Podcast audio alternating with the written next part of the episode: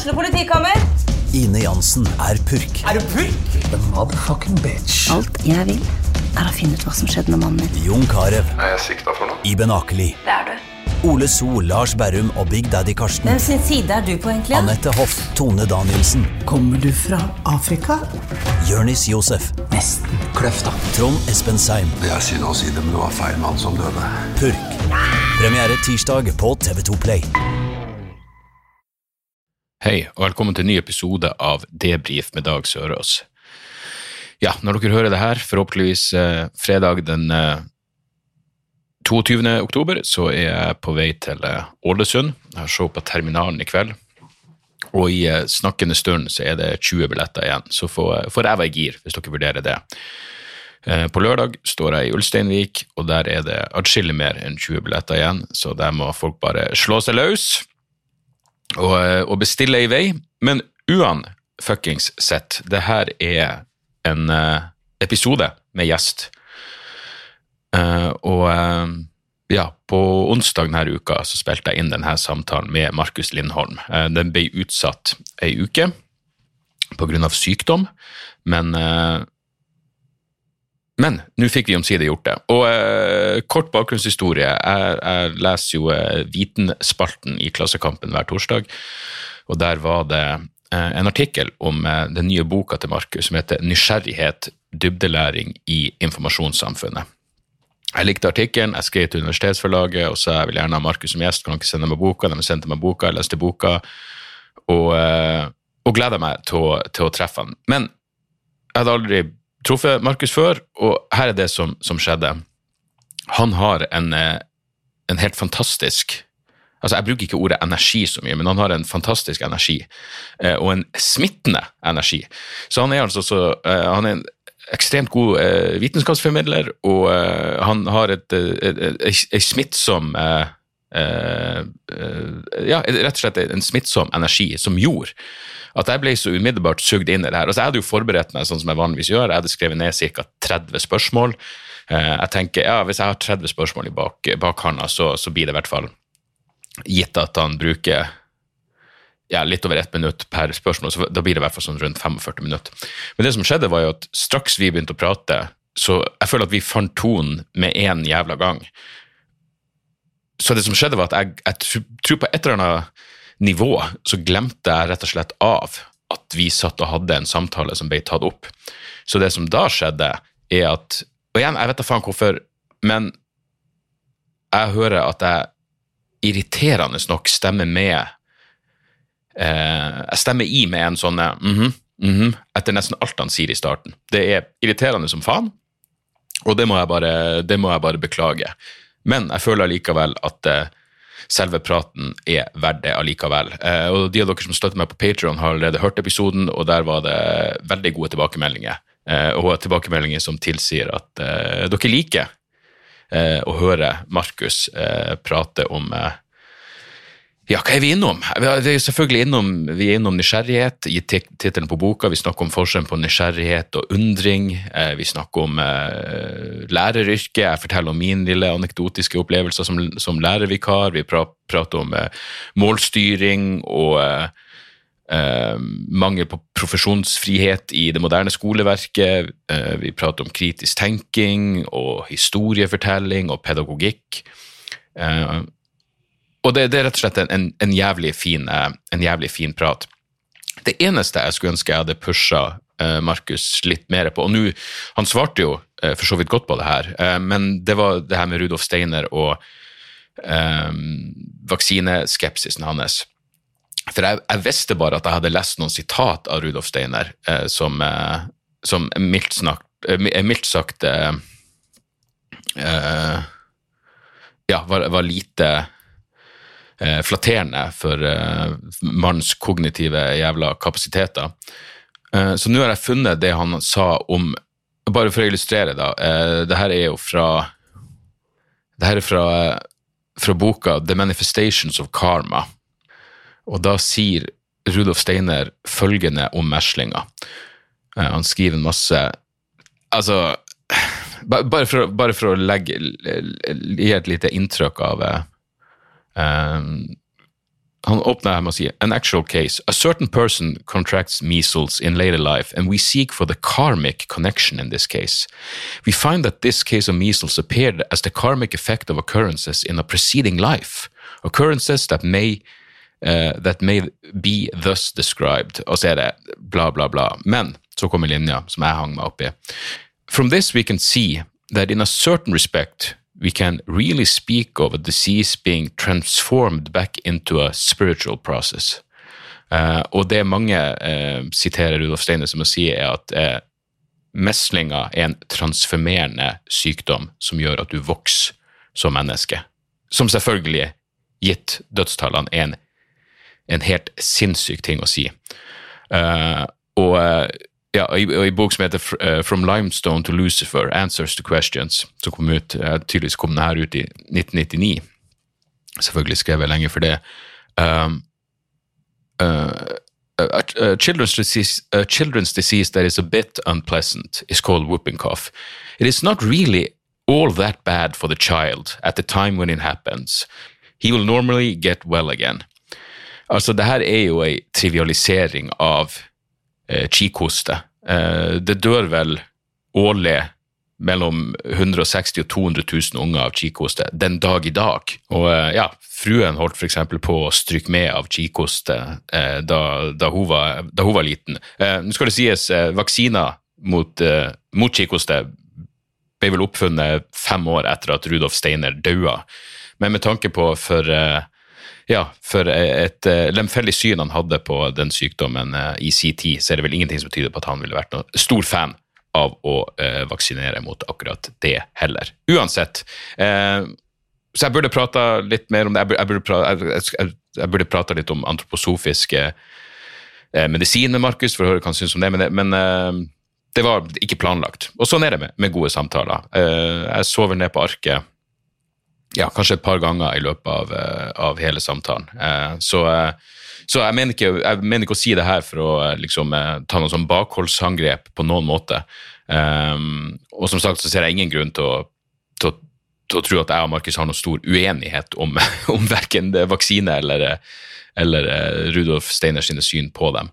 Men, men, sånn er det. Det er ikke bestandig ting er planlagt, og da har man ikke nødvendigvis ting klart i, i hodet heller. Men det er uansett bare flisespikkeri, for samtalen vi hadde, var helt jævla eh, utsøkt. Så eh, uten noe mer jabbing fra meg, ta og nyt eh, denne samtalen med Markus Lindholm om nysgjerrighet og undring.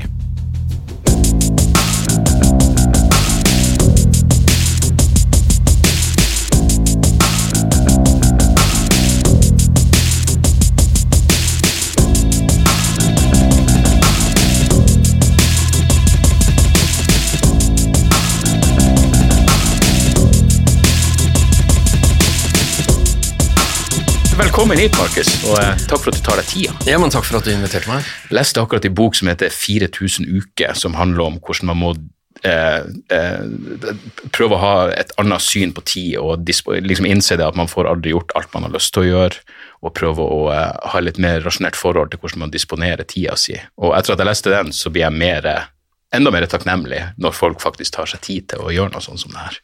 Ja. Så, ja. Eh, så det, det, er greit. Men du, du er jo eh, er, jeg, får, jeg, får, jo med en gang lyst til å intervjue deg om den boka, for det høres veldig interessant ja, okay, ut. Ja, men Det kan anbefales. Det er en ja. kar som heter Oliver Berkman, og uh, jeg leste den på engelsk, men den er faktisk oversatt til norsk også. Det er okay. ikke som det er så mye sakprosating som, som oversettes til norsk, men uh, jeg har ærlig talt aldri helt forstått hvorfor det er sånn fokus på å oversette ting til norsk, fordi jeg tenker at hvis du har den type interesse De fleste kan vel engelsk tilstrekkelig godt at de klarer å lese engelsk bok, tror du ikke? Mm. Så fremst du ikke prøver å nå ut til et veldig vidt publikum. Jeg håper jo det motsatte, at uh, min bok det kan bli oversatt til engelsk. Ja. Det er klart det. ja, det er klart. Men du, du er uh, evolusjonsbiolog, professor i naturfag, didaktikk og seniorforsker ved Norsk institutt for vannforskning. det er en variert CV. Er det noe sammenheng her? Um, ja, det er nok. Det er nok. Jeg, jeg har egentlig vært Jeg må nesten si Jeg ser på meg selv som en sånn addict. Sånn, helt siden jeg var bitte liten, har jeg vært helt besatt av alt som har med natur og naturvitenskap å gjøre. Jeg husker jeg en, fanget en sommerfugl som seks-sjuåring, og så kom jeg på eh, Naturhistorisk museum på Tøyen. Den svære, grønne døren der. Jeg greide ikke å åpne dem engang, de er så tunge og fæle. Men mutter'n var med. Og så, og så skulle jeg møte en professor, og jeg husker at jeg tenkte at eh, Eller jeg tenkte det ikke, men jeg bare opplevde Det er eh, Det må jo være Gud. Hvor, hvor gammel var du på det her tidspunktet? sju, seks, sju år. såpass tidlig, ja. Og, eh, og så husker jeg Og så har mitt liv Men det har liksom gravitert rundt dette med eh, naturvitenskap, men også mye med formidling og filosofi, så jeg opplever vel at eh, pedagogikk eh, Jeg har et professorat på Steinerhøgskolen, og pedagogikk i grensesnittet over mot filosofi og naturvitenskap, det er jeg opplever det sånn tilbakevendende. Jeg har ikke noe svar der, men jeg er bare hyperopptatt av det, og jeg er veldig berørt. Jeg lurer alltid på om jeg er religiøs. Eh, Jeg er naturreligiøs, eller patologisk naturreligiøs. Jeg bare opplever eh, jorden og insekter og mineraler og fossiler og evolusjon og alt sånt. Jeg er er helt overveldende hele tida. Hvor frustrerende er det da at folk flest, hvis jeg tør å påstå det, ikke har en sånn eh, oppslukthet i, i det fantastiske som er rundt oss? Ja, si det, ikke sant. Er det ikke Jordan Peterson som sier det at eh, Det er ikke slik at vi velger våre interesser, eh, men det er interessene som nesten besetter oss. Mm. Det er jo også, Nå er vi egentlig allerede midt inne i det som er boka. altså at eh, det er jo konsentrert i sånn, Hvis man undersøker, så viser det seg at nesten alle mennesker da de var små, samlet på et eller annet. Hadde en periode hvor de var fascinert av et eller annet. Eh, mineraler, eh, fugleegg, eh, sommerfugler, insekter, eh, ølkorker, hva som helst. Glansbilder. Men hvor, hvordan det der trigges, og jeg har aldri sett noen som virkelig har klart å si noe substansielt om det. For, og det, jeg opplever at det er en stor, eh, ikke sant, det er en stor vanskelighet også som lærer, når man selv er dypt berørt. Uh, og så møter man en elev, eller man kan ha barn, som, som, som har helt andre preferanser, og som ser litt sånn uforstående på deg. Men allikevel så tenker jeg at vi kan inspirere hverandre. Jeg tror jeg har blitt inspirert av å ha møtt mennesker f.eks. innen musikk, som egentlig ikke er mitt fag, Eh, men jeg har møtt noen mennesker som har vært dypt beveget av musikk, og som har sagt 'Se her, Markus, hør på dette! Hør på Vet du hvordan det skjedde? Det er helt sykt, hør nå her!' Og det, det, det berører meg. Um, og jeg har møtt elever, jeg har vært lærer i nesten 20 år også, før jeg ble forsker og sånn. Uh, og de, der møter jeg også noen som sier ja, Markus, vet du at uh, du var en inspirerende lærer i kraft bare at du var fascinert. Og det, selv om jeg ikke er blitt biolog, så, så er det en stykke dannelse. Jeg tror dannelsesbegrepet uh, er veldig bra. Jeg vet ikke hvor moderne det er å snakke om dannelse, men det der at vi, for meg handler det bare om at vi hjelper hverandre til å oppdage skjønnheten, mysteriene, berør, blir berørt av eh, et eller annet, enten det er politikk, samfunnsfag, eh, insekter eller eh, evolusjon eller eh, filosofi. Ja, jeg har jo eh, jeg har ei, ei mastergrad i, i engelsk, bare, og jeg sier bare det for å understreke at jeg har hatt mange forskjellige lærere opp gjennom tida. Jeg kan vel tenke tre som var oppriktig inspirerende, men til gjengjeld så husker jeg dem fortsatt veldig godt. Eh, Det har noe å si, og jeg føler at jeg fikk dem på de rette tidspunktene. Jeg fikk en på ungdomsskolen, det hjalp meg veldig, for da var jeg ja, du vet nå, hormonell og skolelei og alle de der tingene. Så hadde jeg en på videregående, og så hadde jeg en på, heldigvis på universitetet, da, som liksom ble veilederen min. Så det, det har utrolig mye å si. Ja, altså jeg får bare lyst til å bryte inn med en gang og si det at jeg, jeg føler at du, du ikke sant, Dette er så viktig, og det, tror jeg, det du sa der, jeg kjenner igjen fra meg selv. Eh, Jeg tror alle som hører på, eh, har det derre. Eh, Og, og det er klart, eh, du kan ikke bare ha lærere som har betydd mye for deg, det, det skal mye til, men at du har møtt Tenk hvilken, hvilket privilegium det er å ha møtt en veldig inspirert lærer. Jeg husker jeg hadde eh, Jeg var jo akkurat i den hvor, hvor det var 68-erne var mine lærere, og, jeg, og det var en som var helt frelst på kommunisme. Det har jeg tenkt etterpå. Men han var altså så inspirert og fortalte om russisk revolusjon, og vi hørte om Goebbels taler og Altså, jeg, jeg lærte så mye historie av ham som jeg ellers ikke ville lært på ungdomsskolen.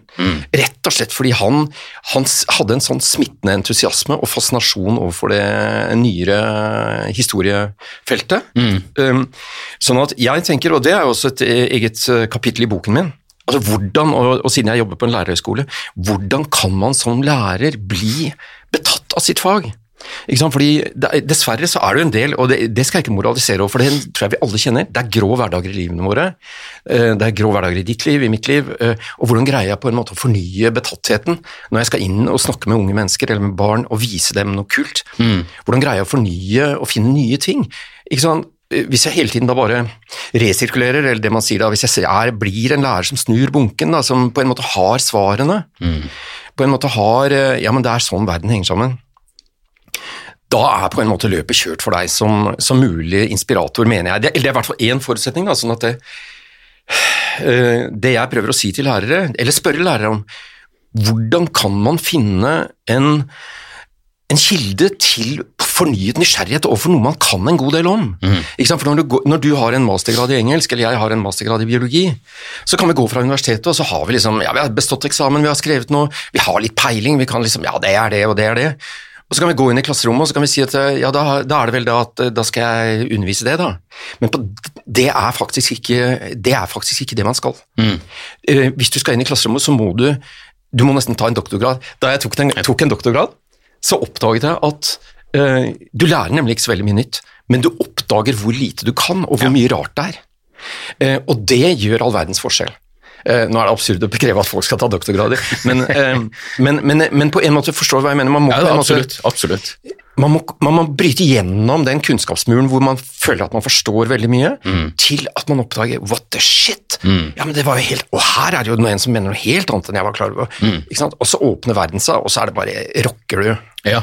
ja, vet du, det, altså, Min masseoppgave handla om krig mot terror. Det var akkurat etter 9-11, og det var krigen mot Irak og, og alt det der. Men, men, jeg, men jeg kan huske da at jeg var så Jeg var veldig sånn eh, eh, engasjert på venstresida eh, mot, mot, egentlig mot både krigen i Afghanistan og Irak. Men jeg kan huske når jeg omsider ble oppriktig komfortabel med å lese argument for krigen. Altså I starten så var jeg sånn, jeg ville kun forholde meg til de som jeg visste allerede kom til å forsterke synet mitt. Men, men det var Dag, dette er helt fantastisk at du sier Nei, jeg skal ikke avbryte. ja, nei, nei, det, det, var bare poeng, liksom, at det, det tar en stund før du faktisk når den ehm, jeg vet ikke, Modenhet blir jo feil ord, men, men den uh, tryggheten på at Ja. du faktisk har lyst til å la deg lede dit bevisene fører. Ja. Og jeg måtte bare være åpen på at ok, hvis, hvis noen plutselig overbeviser meg at det var rett å gå inn i Irak, så må jeg nesten ta inn over meg akkurat det. Uh, men, men det var virkelig en, en prosess som tok en god stund. Uh, og til og med mens jeg skrev masteroppgaven min, så var det liksom, det var veilederen min som var en av de inspirerende folkene jeg prata om, som drev og pusha på, pusha på meg at jeg ser på litteraturlista di nå at du har allerede bestemt deg for hva konklusjonen i denne oppgaven er. Og det hadde han jo 100 rett i. Og da ble jeg jo tvunget til å forholde meg til andre argument. og eh, og, og jeg skifta jo ikke mening, men jeg fikk jo et atskillig mer nyansert syn, og i tillegg da bonusen at du faktisk vet oppriktig hva eh, motargumentene mot dine egne standpunkt faktisk er for noe.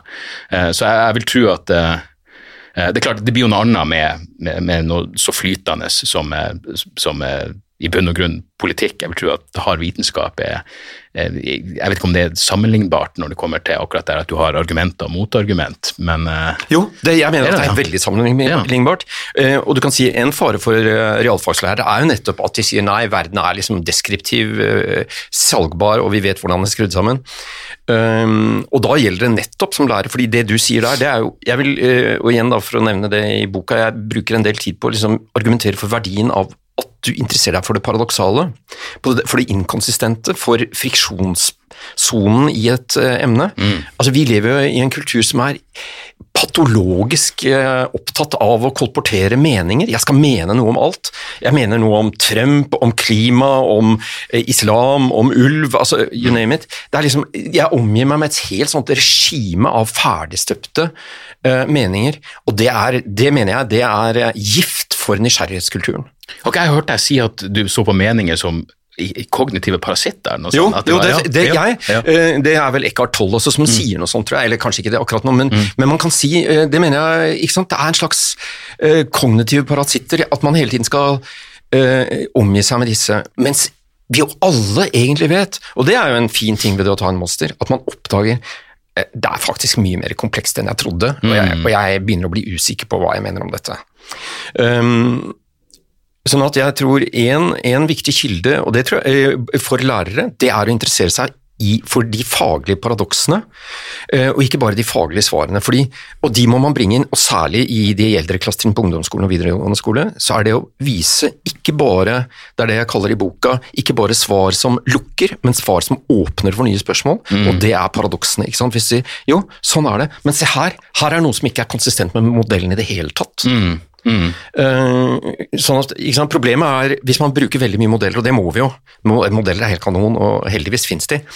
Men eh, veldig mye undervisning, særlig i realfag, kan forfalle hvis vi ikke passer oss, til å bli at vi hele tiden selger inn modellene som sannheten, og så, og så, og så plukker vi, håndplukker vi et par gode eksempler som illustrerer hvordan de funker. Og, så, og så svømmer vi videre uten å, uten å bry oss om all den kule empirien som faktisk er, som strider mot modellen, som viser at nei, det er ikke så enkelt likevel. Men det er jo sånn vitenskap har utviklet seg over flere hundre år, ikke sant. Det er fordi noen har sagt ja ja, det stemmer vel det der da, men så har jeg sagt nei, men, men hva med det da? Og så har det gått videre, ikke sant. Um, og det, det elementet der må inn i Dette er det som kalles science as a process, og ikke bare science som, uh, som et sett med sannheter. Ja, har, har tenkt, jeg har tenkt på det i løpet av pandemien, at vi har egentlig gått gjennom uh, vitenskapelig uh, eh, altså vi, vi, er i, i, I ekte tid har vi sett den vitenskapelige prosessen. Ja. Og da er det liksom, ja selvfølgelig er det tvil, og så er det noe som er feil, og så må man ta avgjørelser på på, på, på grunnlag som ikke er fullstendig, men sånn vil det alltid være på en måte. Så i, i, Ideelt sett så burde dette vært den, den, den største vitenskapsutdanningsprosessen som folk har vært igjennom. Nå ser vi hvor, hvor, eh, hvor eh, lite lineær det kanskje er. Det- Dag, la oss skrive en artikkel, sier jeg. Det, det, jeg synes det er så ikke sant? Det du sier, det er akkurat rett inn i det jeg også tenker. Um, eh, og det, det, som, det som har skjedd nå med denne pandemien det kan, Man finner også masse kule eksempler fra nyere historie om det. Altså, ikke sant? Vi, vi skjønner ikke verden, eh, og så lærer vi mens vi holder på å skjønne den. Um, og, og veldig ofte så er det fordi vi blir utsatt for problemer som, vi, som overrumpler oss bakfra. Eh, vi ville ikke visst mye om, la oss si, ozonlaget i stratosfæren. Eh, Hvis det ikke var fordi at vi plutselig oppdaget at alt på dette fra hverandre. Vi ville ikke visst noe særlig om eh, immunforsvaret hvis det ikke var fordi at plutselig så var det noe, et innmari skummelt virus som het hiv-viruset, som begynte å spre seg. Mm. Og vi ville heller ikke visst mye om global oppvarming hvis det ikke var at det plutselig visste seg at CO2-utslippene har økt over lang tid. Og, sånn, og det er det samme her nå, ikke sant. Vi er, egentlig så er altså det å få elevene til å oppdage at vitenskap, det er en oppdagelsesreise drevet av nysgjerrighet. Det er så viktig, fordi uh, hele vår sivilisasjon er egentlig basert på det. her. Og det tror vi at det er, ja, men det er vel sånn det er, da. Uh, er det ikke alltid vært sånn? Oh no. Det har slett ikke alltid vært sånn, verken her og i veldig mange kulturer er det slett ikke sånn i dag heller. De aller fleste sivilisasjoner har vært bygget på gamle sannheter, gamle menn og gamle guder, og nysgjerrighet har overhodet ikke vært betraktet som noe, noe, noe aktverdig. Eh, slik at uh, når, når det så lettbent ofte sies liksom at nysgjerrighet er menneskets fremste egenskap, det, kan nok være, men det er veldig etnosentrisk å si det, fordi det gjelder bare for nyere europeisk kulturhistorie nå de siste par hundre år. Ja, fordi eh, Du må oppklare en ting for meg, og her er det, her er det selvfølgelig jeg som har eh, sikkert misforstått et eller annet. men fordi, eh, Og boka di, eh, som heter 'Nysgjerrighet dybdelæring i informasjonssamfunnet', kan, eh, kan varmt anbefales. Men du, du prater på et eller annet tidspunkt om eh, Skal vi se, jeg skrev det til og med ned her. Eh, ja, om, om, nettopp om det her med den nye mennesketypen, det du kaller det faustiske mennesket. Eh, og da skriver du følgende, du skriver den kognitive nysgjerrigheten kom faktisk til å vekke til live en ny mennesketype i renessansen. En rastløs skikkelse som aldri slår seg til ro og ustanselig spør og graver videre, og som ble betrakta med en viss fryktsom eh, mistro. Men jeg tenker, når jeg leste det, så tenkte jeg med en gang eh, eh, hva med de greske filosofene? Hva, hva med Sokrates? Var ikke det liksom prototypen på det her, lenge før renessansen? Jeg tar feil, og du har rett. Uh, nei, selvfølgelig er det jo det Uh, Hva skal jeg svare nå? Jo. Um, trekk av dette har man nok hatt andre steder også, men det å gjøre det til et sivilisasjonsprinsipp, Ja. eh, det kommer i den europeiske renessansen og med fremveksten av den moderne vitenskap.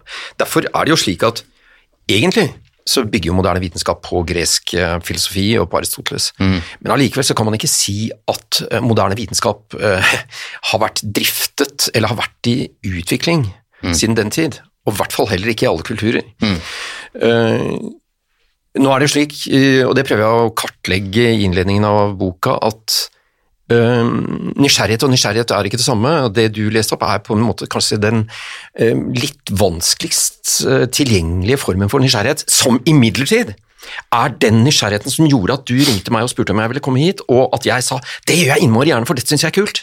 Fordi det er en nysgjerrighet som kommer veldig dypt innenfra oss. Og hvis det er noen som hører på dette, og fortsetter å høre på ikke skru av, så er det også fordi at um, det aner dem nok, og det er bare å bekrefte det, at vi kommer ikke til å finne svarene på det eh, i dette programmet på hva verken nysgjerrighet er, eller hva meningen med livet er, eller noe sånt. men det er allikevel veldig meningsfullt å bevege disse problemene. Det er den kognitive nysgjerrigheten som, som, som mange har da identifisert som det faustiske mennesket. Ja, nettopp. Eh, eh, men altså, bare for å For jeg, jeg vet jo, og det skjønner jeg jo gjennom boka, at du er ikke noe stor fan av, av eh, definisjoner, egentlig. Eh, Eh, Jeg har egentlig lyst til å snu på flisa og si jeg er en veldig stor fan av definisjoner. Eh, For jeg tror uten definisjoner så er jeg bare en hippie som røyker et eller annet rart og, og glaner opp i været. Eh, Fordi definisjonen er det som på en måte setter grenser for begrepene mine. Men det som er skummelt er hvis det som gjør at vi snakker om det samme. Ikke sant? Eh, Men vi må bare være klar over at det ikke er hele sannheten. Det ligger alltid et men bak, og det er derfor ikke sant? Det er dette dobbelte, og det er i seg selv et paradoks, og derfor også veldig interessant å ta en prat om, at um, definisjoner må hele tiden etableres slik at vi vet hva vi snakker om, men så må de også rives ned, slik at vi kommer videre i refleksjon. Nettopp. Eh, og en, en av de sånn grunnleggende tingene, jeg, jeg- og det her var en av de mest interessante delene, du, du må forklare forskjellen på undring og nysgjerrighet. Fordi jeg ville jeg, vil, jeg, jeg, skjønner at de ikke er synonyme, men eh, det var kanskje en større forskjell der enn jeg egentlig hadde sett for meg i utgangspunktet. Ja, altså det, det har, det, Dette har jo vært en oppdagelsesreise for meg, og det er ikke det at jeg har noen endelige sannheter om dette, men, men her er noen tanker. Uh, undring er for meg, og da får jo eh, tilhørerne, eller hva heter det for noe? Lytterne. Lytterne. eh, korrigere meg, eller du. Men altså, undring mener jeg er noe litt sånn taust og omgripende. Eh, la oss si, jeg pleier å bruke et, for å ta et eksempel. Tenk deg at du står på brygga en sommerdag, og så titter du ned i vannet. Uh, og så ser du, ser du bunnen der nede med tang og noe stein og en gammel ølflaske. Og så gynger det frem og tilbake, og så lurer du på er det egentlig en krabbe som sitter under steinen der. Eh, det er et spørsmål som jeg vil si er knyttet til nysgjerrighet. Riktignok en overfladisk og veldig enkel, eh, elementær form for nysgjerrighet. Det, vikt- det interessante med det spørsmålet er at du kan få et klart svar. Du kan dykke ned og så kan du sjekke. Ja eller nei. Um, ikke sant? Når du står på brygga, så kan du ha mange sånne spørsmål. Jøss, hva slags fisk er det som svømmer der? Eh, hvor dypt er det egentlig nede på bunnen? Er det koraller? Nei, det er jo ikke koraller i Oslofjorden. Eh, alle de typer spørsmål. Mm. Nysgjerrighet. Men så kan du også, og det tror jeg alle har vært borti, at du tenker litt sånn shit, hva er dette for en merkelig væren egentlig under vann der? Åssen kan det være at liksom det går an? Eh, det er ikke nysgjerrighet, vil jeg si, det er undring. Er det det neste steget i nysgjerrighet, eller er det bare Nei. Nei. Jeg vil nesten si at det er et forstad ikke, Nei, jeg tror det er noe annet, rett og slett. Jeg tror vi har det samme eksempel hvis du ser, eh, hvis du ser en regnbue, plutselig overrumples av en flott regnbue, eller et flott utsyn, eller vakker musikk, eller kunst, eller et, et vakkert menneske, eller en ny tanke, så kan det bli sånn Oi! Og det interessante med undringen, eh, og det er både en styrke og en svakhet, det er at den, den berører oss veldig dypt, veldig personlig, og forrykker mildt, men det er ikke så lett å sette ord på. Det blir litt sånn jøss, dæven. Eh, ikke sant, Man bruker litt sånne uttrykk, men du kan ikke utvikle så lett et resonnement fra det. Det kan du hvis du spør om det er en krabbe der nede, for da kan du fortsette å spørre bor den der, eh, hvor stor er den, er det en hann eller hund, hvilken art er det, eh, hvorfor er den her, og all den type ting. Sånn at eh, eh, nysgjerrigheten er mye mer verbal, mens undringen er mer taus. Det finnes en, ja, det finnes en veldig kul bok som jeg har lyst til å nevne for deg, hvis du har tid. Ja, selvsagt. Det er The Geography of Thought av Richard Nisbet. Det er en bok vi burde oversette til norsk. Ja. Um, Filosof? nei, han er psykolog. Ah, okay. Han er psykolog, og så viser han at folk rundt om eh, på jorden tenk, har, tenker veldig forskjellig, ikke innholdsmessig, men tankefigurene som de på en måte orienterer sine liv etter, er rett og slett har en litt ulik struktur. Ah. Eh, For eksempel eh, ti- sånn helt elementære ting som det å forklare årsaken til at noe skjer, en, bi, en bilulykke eller at noen gjorde noe eller sånn, forklares i Kina og i USA ganske forskjellig. Ja. Um, og han, uh, han tar også for seg dette at uh, vi i Vesten lever i en kultur hvor um, det å verbalisere ting f.eks. i timen, så vil jeg gjerne at alle elevene sier noe. Eller hvis du har en te ung tenåringssønn, ah, det har vi jo alle hatt, eller mange av oss. Eh, ikke sant? En del gutter, i sånn, når de går inn i puberteten, så blir de helt tause. Eh, og kanskje, jeg husker, kanskje noen av oss husker at vi var sånn sjøl òg. Og så kan vi ha disse maste kjerringene som sier «Æ, 'nå må du si det, må du si hva det Mm, ja. Og så kommer det bare Si hva sånn du tenker. Ja, ikke sant. Må du sette ord på følelsene dine og alt det der eh, Unnskyld, Ja. tullet der. Ja, nei, men det Uh, som er på, når man er 13 på en måte Det er, det er noe taust inni her. Nisbeth tar opp det, eh, og han viser, at, eh, han viser annet et studie foretatt av eh, kinesiske jentestudenter, som nemlig først ble utfordret på at de aldri sa noe i auditoriene. De satt alltid bare på og hørte på, og så er det en av dem som da lager en utredning, hva er det bak det?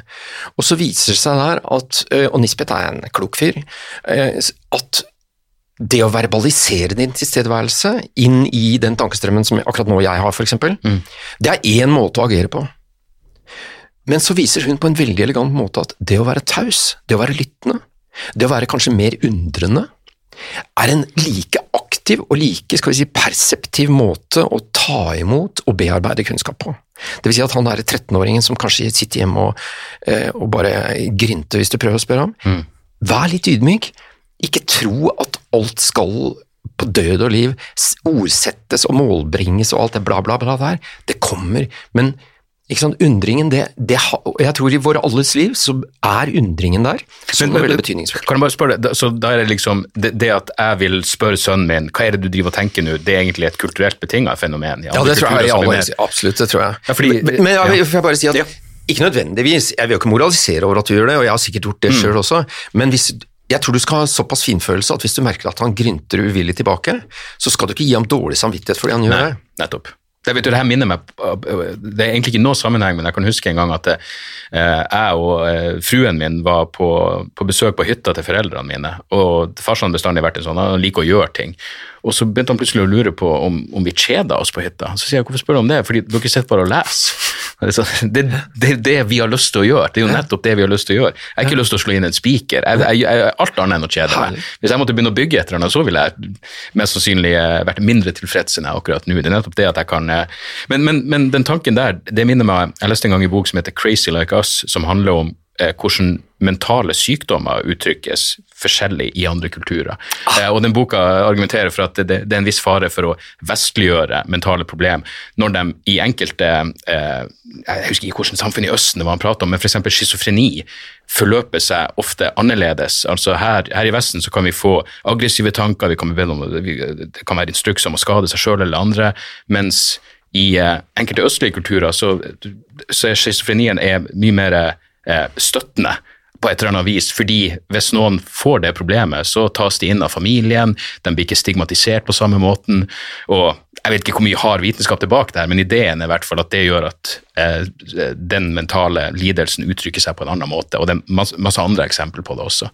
Hvordan, eh, ja, hvis du ikke ser på det som eh, eh, som en, en, en eh, utelukkende negativ ting at du har en eller annen eh, en, hva man skal kalle det, alternativ måte å se virkeligheten på, så kan det faktisk gjøre at eh, ting forløper seg litt, eh, litt lettere. Så eh, ja, det er vel Du, etter, etter dette intervjuet så må vi ta en øl. ja. For, for, jeg, jeg opplever at det er så to the point, og det er så interessante ting. eh, Den boka må du eh, gi meg som referanse etterpå.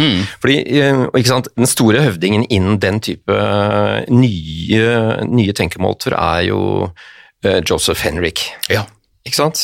Som introduserer Jeg vel ikke han som kanskje introduserer, men har dette weird-konseptet. Han er evolusjonspsykolog, og han og mener masse andre, og Nisbet gjør jo akkurat det samme. og Det er masse eh, psykologer nå altså Hele psykologifaget har jo de siste 30 årene gjennomgått et jordskjelv. Fordi veldig mange av de paradigmene som man bygget det på, viser seg at det er bare basert på vestlige, velutdannede, sekulære, rike, demokratiske mennesker. Eh, og det er ikke overførbart for fem øre. Eh, Og det gjelder jo også sånne helt grunnleggende trekk som eh, bindingsteori og sånt, som har vært liksom klassiske utviklingspsykologiske hjørnesteiner i, siden 70-tallet i Vesten. Eh, At de har bare betinget eh, berettigelse. Det har vi jo nå, ikke sant. Etter hvert som vi blir et flerkulturelt samfunn, så ser vi at det er ulike sinnelag som kommer frem. Og, da. Og jeg tror at eh, dette har vært veldig neglisjert, og at vi har vært veldig etnosentriske i vår vestlige måte å tenke verden på. Og det er jo også Henriks eh, en av hans budskap, da. Ja, det vel han som påpeker at hvor, hvor stor eh, katolisismen spesielt, men altså hvor, hvor, hvor stor påvirkning religion har hatt på den kultur vi lever i nå, selv om, selv om nu, vi nå blir mer og mer sekulære. så har den satt noen, noen, eh, Ja, sant, noen spor som man ikke kommer utenom. Ja, det er jo ekstremt viktig, fordi han, og jeg siterer ham i boka, fordi ikke sant, allerede nokså tidlig i middelalder så, så satte de forbud mot klanekteskap og allianser på den måten der, slik at uh, i Europa så ble klanprinsippet brutt systematisk ned av kirken over tusen år, og det har gjort at individuasjonen, for å kalle det det, altså selv individets, og jeg, jeg tror jeg skulle gjerne vært flinkere i filosofi eller et eller annet fag hvor jeg kunne skrevet en artikkel hvor jeg prøvde å vise at det må ha betydd noe for eh, også fremveksten av humanisme og tro, verdet som enkeltindividet har. Altså, ikke sant? Vi, er jo, vi er jo barna av en tenkning som, eh, hvor, hvor ingen, ingenting trumfer individets hellighet, og det er det fantastiske egentlig med vår sivilisasjon. Men det har en lang, lang utviklingshistorie som, eh, som ja, Henrik eh, viser til. Ja, og så er det jo, det, det virker som det er de mest spennende bøkene som kommer nå, er sånn her big history, hvor du, hvor du tar for deg, du, du forsyner deg av masse forskjellige fagfelt. Eh, så, um, ja nei, eh, den, er, men den er stor den boka, så jeg har ikke kommet meg gjennom den, den Henrik-boka, den er, det er mange sider. Men den er, den er lettlest, Ja. og han har flere bøker, ikke sant? Ja, han har den Secret of Our Success. Ja, ikke sant? ja. Og den er, der er, står det også veldig mye interessant rundt. Um, men eh, som, som du påpeker også, eh, andre pattedyr er jo også nysgjerrig. Så jeg lurer på, tror du det er det at vi undrer oss, er det det som skiller oss fra andre dyr? Ha! Jeg har følelsen av at du setter opp en felle for meg. Nei, ikke, nei, det var ikke Nei, tanken fordi, min. nei, men, nei, nei, nei. Uh, nei, altså jeg eh, det helt, Altså undring. Uh, det å være i stuss, for å kalle det, over at verden er skrudd sammen på den måten den er, Mm. eller denne, dette rommet, eller hvor, hvor jeg er, det ser man jo eh, hos, eh, mener jeg, denne for, tilstanden av stuss hos, eh, hos veldig mange, i hvert fall pattedyr og fugler, og sikkert også lavere virveldyr, iallfall om det er hos virvelløse dyr, det er ikke godt å vite. Men, men det er helt klart ikke noe spesifikt. Um, det som imidlertid er interessant, det er, og det, det er at dette er et, et utviklingsavsnitt som er knyttet til tidlig oppvekst hos eh, andre pattedyr. Eh, og som jeg bruker et helt digert kapittel på i boka, eh, Barndommens evolusjon. Så prøver jeg å argumentere for, eller prøver å vise at hele, hele menneskeslektens fremvekst er en historie om forlenget barndom. Stadig forsterket egentlig nysgjerrighet, kunne man si, eller undringsevne, og at vi vi nå har endt opp som en art som er patologisk og livslangt nys- nysgjerrig. Michelangelo, vet du hva han sa som 87-åring? Jeg lærer hver dag. 87 år, Michelangelo. Det er fantastisk. Det er bra reflektert å være Ja, sant? såpass ung. Ja. Men ikke sant, og vi, vi merker jo, vi håper egentlig at vi skal kunne si det samme hvis vi blir så gamle. Mm. Fordi det, det handler om, ikke sant, og det er noe, det er noe veldig genuint uh, menneskelig, tror jeg. Eh, det, som, det som er det generelle bildet, det er at når eh, oppveksttiden er over, og man går inn i en modning som voksen, eh, som voksen pattedyr, så er kjønnsmodningen ofte koblet til at man også veksten stopper opp. Da, da da, er du, da blir du mye mer forutsigbar, da slutter du å undres, da er nysgjerrigheten også langt mer rudimentær. Eh, og det har den som sagt også egentlig vært i mange sivilisasjoner. Det er ikke slik at, at, vi, at menneskeheten, for å bruke et sånt skummelt ord, har vært grunnleggende nysgjerrig eh, i, i alle tider. Mm. Så det er også eh, merkelig. Ja. Jeg, jeg bare, jeg, hele tiden når du snakker om det her, så tenker jeg på eh, Jeg syns vel kanskje den beste Richard Dawkins-boka er som heter 'Unweaving the Rainbow'. Ja. hvor Hele, hele bakgrunnen for tittelen er at det var en poet som heter John Keats, tror jeg, som anklagde Newton for å ødelegge magien ved, ved regnbuen ved å liksom forklare den vitenskap, vitenskapelig på et eller annet vis. Eh, og det jeg vet ikke helt hva parallellen, men det er et eller annet med undring og nysgjerrighet i begge de tingene. Undringa vil liksom være at du bare tenker eh, Ja, det er akkurat så i det tilfellet så vil du egentlig ikke ha det vitenskapelige svaret. Men selvfølgelig, som Dawkins påpeker, så er det jo atskillig mer poesi i den vitenskapelige forklaringa enn fra hans perspektiv i hvert fall enn det poeten klarte å, å, å legge i det. Eh, Og det er vel ofte sånn det er. Det er vel det som gjør at f.eks. naturdokumentarer er så oppslukende for folk, når du faktisk ser hvor fantastiske eh, dagligdagse eh, ting egentlig er. Ja. Samtidig så er det jo slik at eh, det er jo ofte en viss melankoli knyttet til det å lære noe å kjenne fordi man har følelsen at nettopp magien blir borte, Ja. eller den fortrylletheten. Eh, og det, den, eh, altså Dawkins eh, jeg siterer den boka, eller jeg viser den boka i Den står på referanselista, og, og, og Dawkins er jo, eh, er jo, som egentlig alle eh, aktive forskere, betatt. Hvis du ikke er det, hvis du ikke er dypt betatt, hvis du ikke ligger søvnløs om natta og tenker hva er det for noe med det? Eh, da, da blir du ikke forsker, da, blir du, da gjør du noe annet. Uh, og den dype bet eh, ikke sant? Det å være dypt betatt kunne man si er på en måte nerven i vår sivilisasjon. Og han, Det er derfor han har også disse, det, han har jo preget denne fantastiske setning 'Science is the poetry of reality'. Sant? Det er, eh, men det kan han bare si fordi han på en måte har, har en nærhet til denne undringen. Eh, Og hva er det som skjer når en undring går tapt? Det er det jeg prøver, så jeg prøver å undersøke i denne boken. Eller ikke bare når det går tapt, men hvordan kan man, hvordan kan man utvikle det han skriver i sin bok når, når regnbuen er avslørt? Hvordan kan man Fins det en metodikk? Metodikk, det var noe svært. Men fin, fins det en vei for meg, når jeg har avslørt regnbuens eh, eh, elektromagnetiske grunnlag, tilbake til underet, eller hvordan klarer jeg å bevare underet? Det mener jeg at det er et stykke pedagogisk eh, skolekultur som vi er forpliktet til å prøve å, gjøre. gjøre, slik at det ikke blir bare at læreren, nettopp nå brukte jeg det ordet, at lærerne sier egentlig er det bare, ikke sant?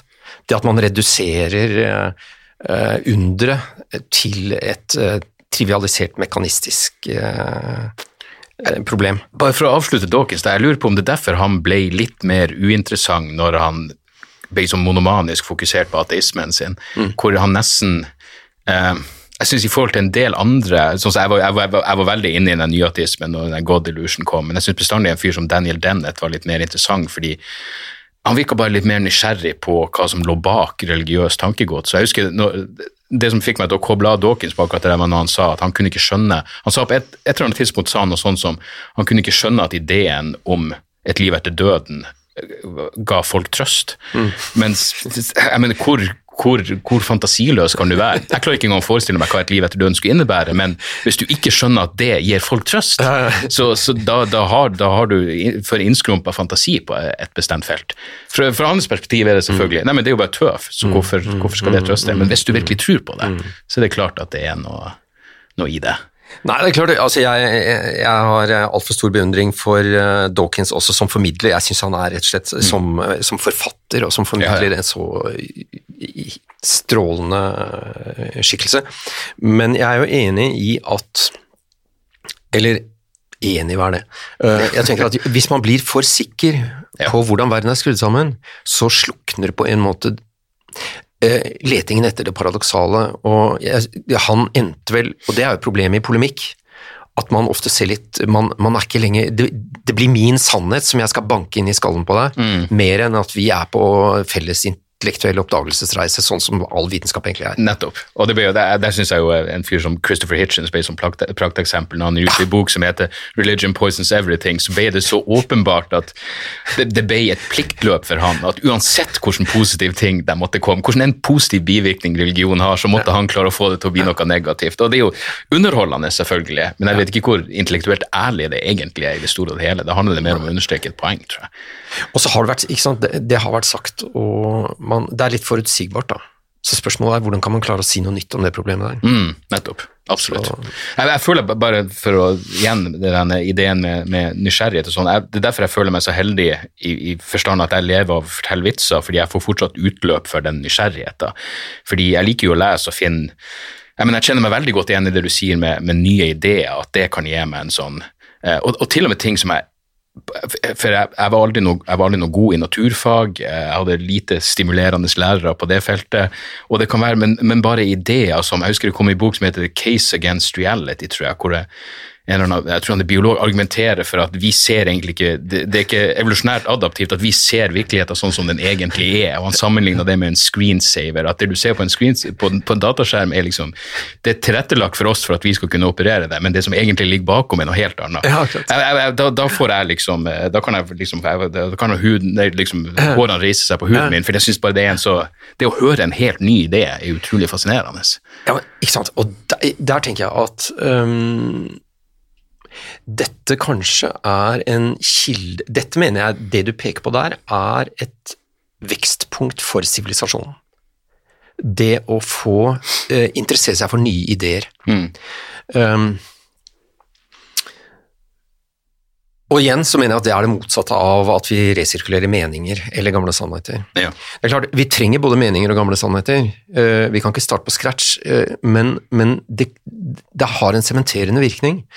Eh, og i den sivilisasjonen vi er inne i nå, så tror jeg at vi, vi er veldig i behov av Um, og prøve å tenke oss verden ja, Hvordan ser verden ut hvis jeg, hvis jeg ser den på den måten, eller hvordan virker den da?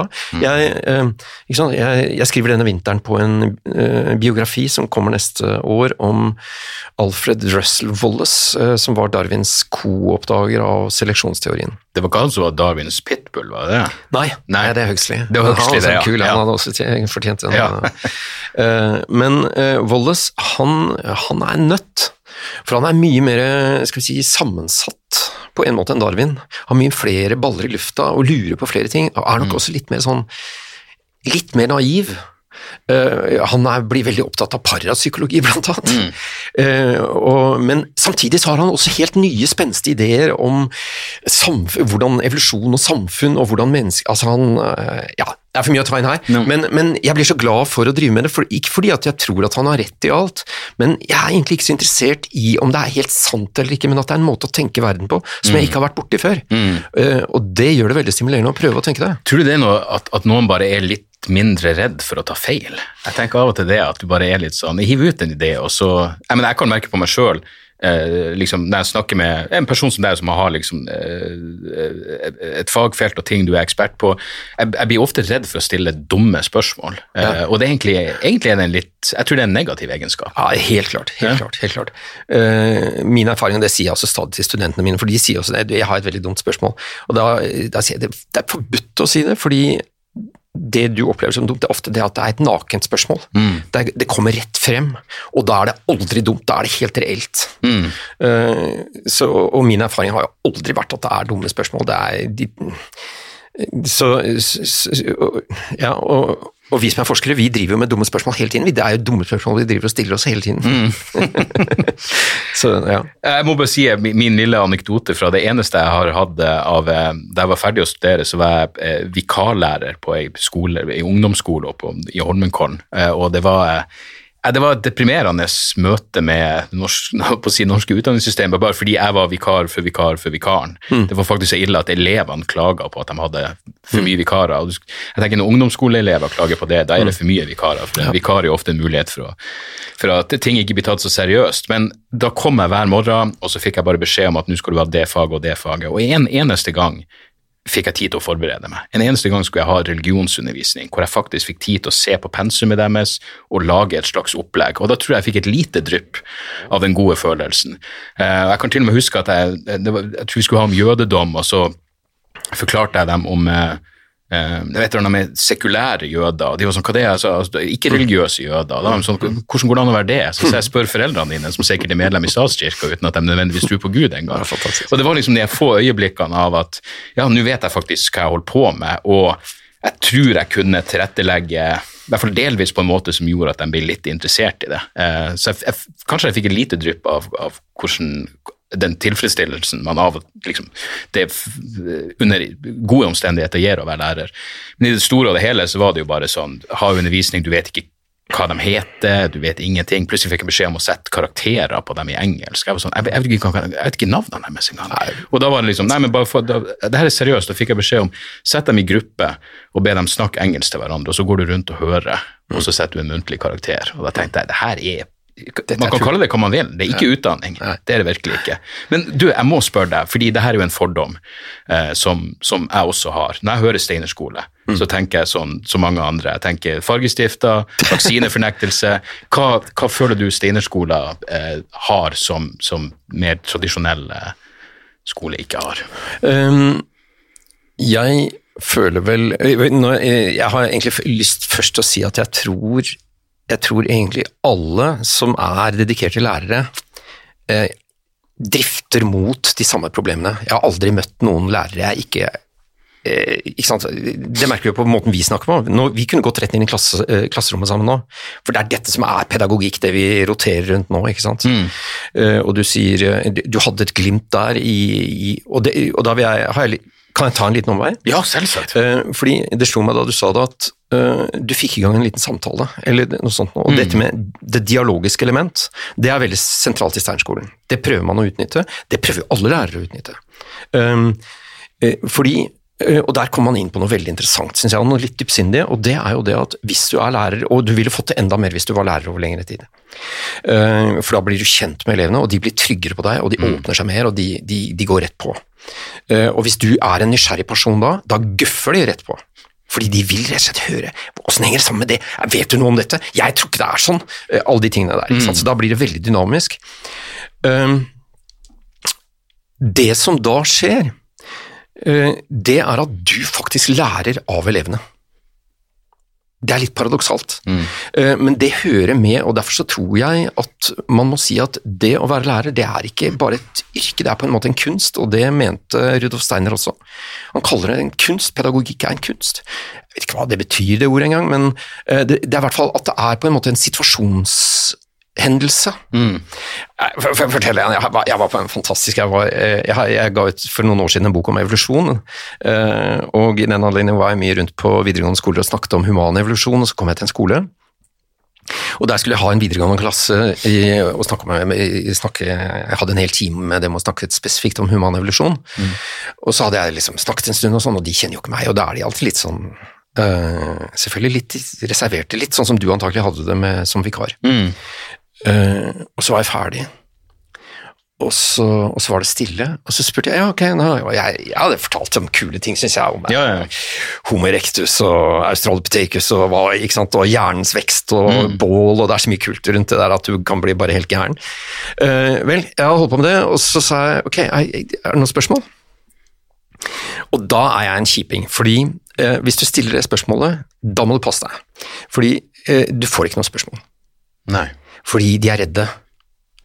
Eh, og da må du Da kommer den derre tausheten. Den, fra, den som hun jenta i forelesningssalen i auditoriet også snakker om. Som ikke er passiv, men som handler om noe bortenfor det spisse, verbaliserte. Og så, og så ble det stille, og så tenkte jeg bare nå, nå skal jeg være Nå skal jeg ikke bryte den stillheten. Og jeg hengte, ikke sant, det var stille lenge. Og Det får altså, så creepy, altså, det. Det er, jo, det, det, det, er sånn når man på foreldremøte spør om vi har noen som har lyst til å være klasserepresentant. Ja, ikke sant? Så jeg, nemlig, Alle ser ned. Ja, ja, ikke sant? Og så ingen som og, og, Nei, er det ingen, da? Eller? Nei, ja. Men jeg lot det henge. Og så plutselig var det en jente i hijab på første benken, en sånn vakker, mørkøyd jente som sa lavt nedi bordet Hvorfor blir vi gamle? Åh. Ah, det traff meg rett i mellomgulvet, ikke sant? Ja, ja. Der satt hun en sånn uh, midt i sin ungdomsblomst, ikke sant, og så ante det vel henne det som uh, Ibsen sier, at evig eies kunde tapte, ikke sant? at, eh, at det ville gå nedover.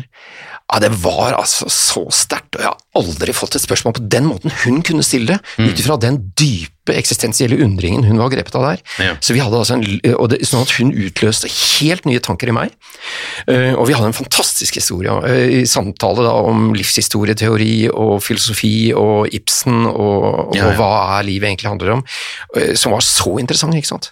Fordi jeg lærte noe i det møtet med henne. Og det, for å komme tilbake til hovedsporet ditt, hva er det som er spesielt ved Steinerskolen? Jeg jeg tror ikke vi skal lage tette skott der, jeg gjør det i hvert fall ikke. Jeg syns det er kanonlærere overalt, og det er dårlige lærere overalt. Men, mm. men, eh, men all, det er mye god vilje overalt. Men det som er, eh, det som er eh, fint i Steinerskolen, syns jeg, det er at læreren har eh, en større grad av frihet til å forme eh, den pedagogiske hverdagen selv, det er det ene. Og det andre er at det er mye dialogisk undervisning.